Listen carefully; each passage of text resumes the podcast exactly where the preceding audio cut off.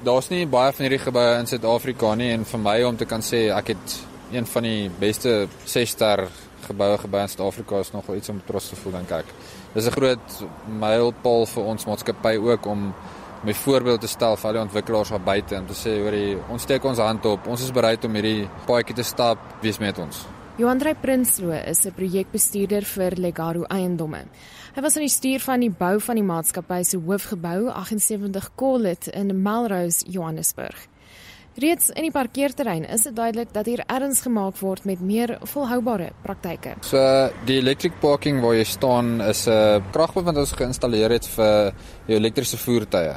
As jy elektriese voertuig gebruik, kan jy hier parkeer en jy kan jou kar hier inprop terwyl jy besig is met jou besigheid en as jy klaar is, dan kan jy weer gaan.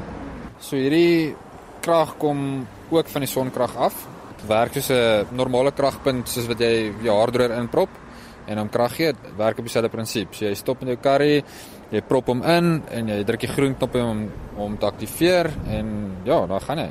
En is daar al mense wat hierdie gebruik het? Ons het een voertuig gehad wat hom wat hom al gebruik het en ek moet sê dit was nogal reël suksesvol. Dis nie net die kragpunt wat met sonkrag werk nie.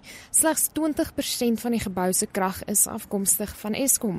Dit word gebruik om die sonpanele op die dak aan die gang te kry, maar daar's reeds planne vir 'n gebou wat onafhanklik van Eskom funksioneer.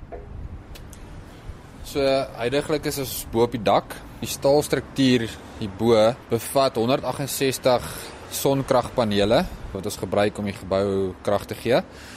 Die sonkragpanele maak gebruik van Eskom. Hulle noem dit 'n grid-tied system. Wat beteken ons is afhanklik van Eskom krag om die inverter te begin of te start wat die sonkragpanele aan die gang sit. So alles is nog steeds afhanklik van Eskom.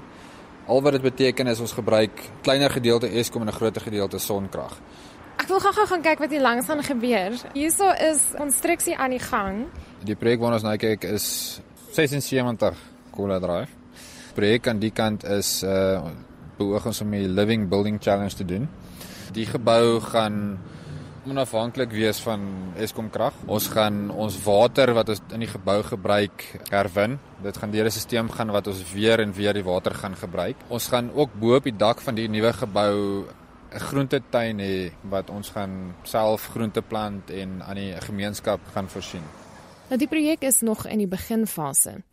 78 Collet bestaan uit sowat 1600 vierkante meter se vloerspasie en is twee verdiepings hoog.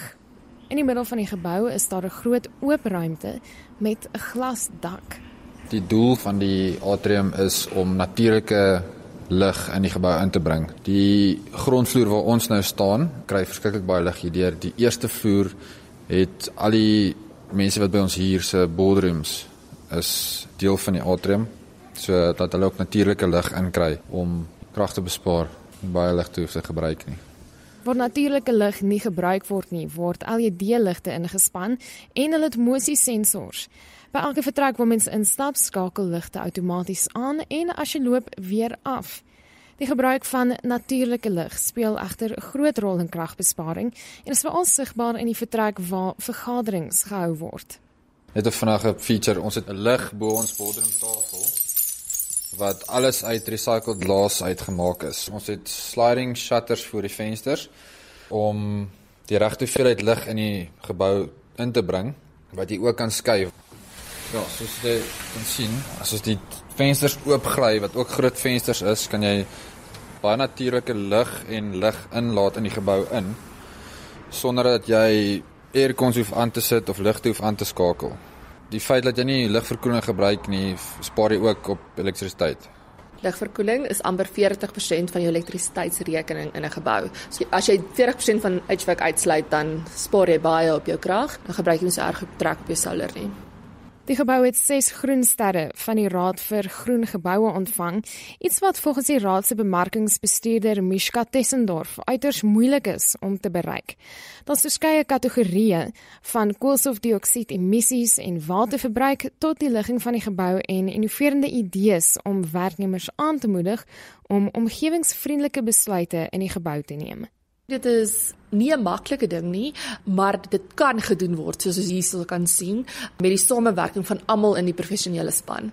Het hulle saamgewerk en regtig na elke aspek te kyk van die kragverbruik tot die waterverbruik tot hulle te showers vir as iemand op 'n fiets na die gebou toe kom. Hulle is in 'n omgewing naby die geldtrein. Hulle het regtig na elke aspek gekyk. So ek dink dis wel hoekom hulle 'n 6 ster gekry het. Die groensterre hou verskeie voordele in vir geboueienaars. Dit is 'n groot bemarkingsvoordeel, maar dit is ook deesdae 'n aantrekkingskrag vir mense wat 'n verskil wil maak. So van 'n ekonomiese perspektief af kan ons kyk na carbon tax, ons kan kyk na green bonds. Daar's verskeie afdelings soos definitief as jy gaan vir so 'n hoë rating. Om elke hoek en draai in die nuut opgerigte gebou is daar voorbeelde van hoe minder elektrisiteit en water gebruik kan word.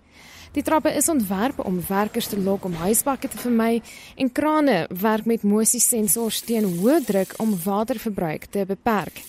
Dit laat mens wonder hoe moeilik dit sou wees om van die elemente in 'n woonhuis aan te bring, veral wat ouer geboue betref. So by my eie huis het ek regdeur my huis al my ligte vervang met So groot koste om aan te gaan, maar langtermyn dink ek wel dit maak 'n verskil.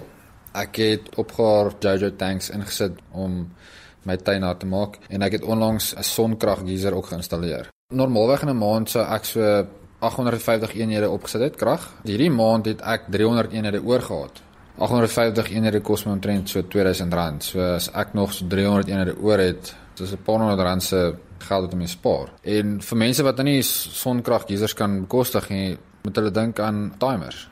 Dit was Johan Drey Prinsloo, 'n projekbestuurder vir Legaro Eiendomme. Weens al betrokkenheid by die raad is Tessendorf ook nie onaangeraak deur die tendens om druk op die omgewing te verlig nie. En om my self het ons 'n uh, heatpump in plaas van die geyser en ons kan die besparing sien daarop. Jy moet net die ligte verander miskien na LED toe. Elke persoon kan net 'n klein stukkie doen om 'n beter omgewing vir hulself te skep. Dit was Mishka Tessendorf, 'n meganiese ingenieur en bemarkingsbestuurder by die Raad vir Groen Geboue in Suid-Afrika. Volgens haar het die implementering van die elemente haar gesin se kragrekening met minstens die helfte gesny sakpas vir die verbruiker en 'n slaak van verligting vir moeder natuur. Marlene Forsie is hy kan nuus.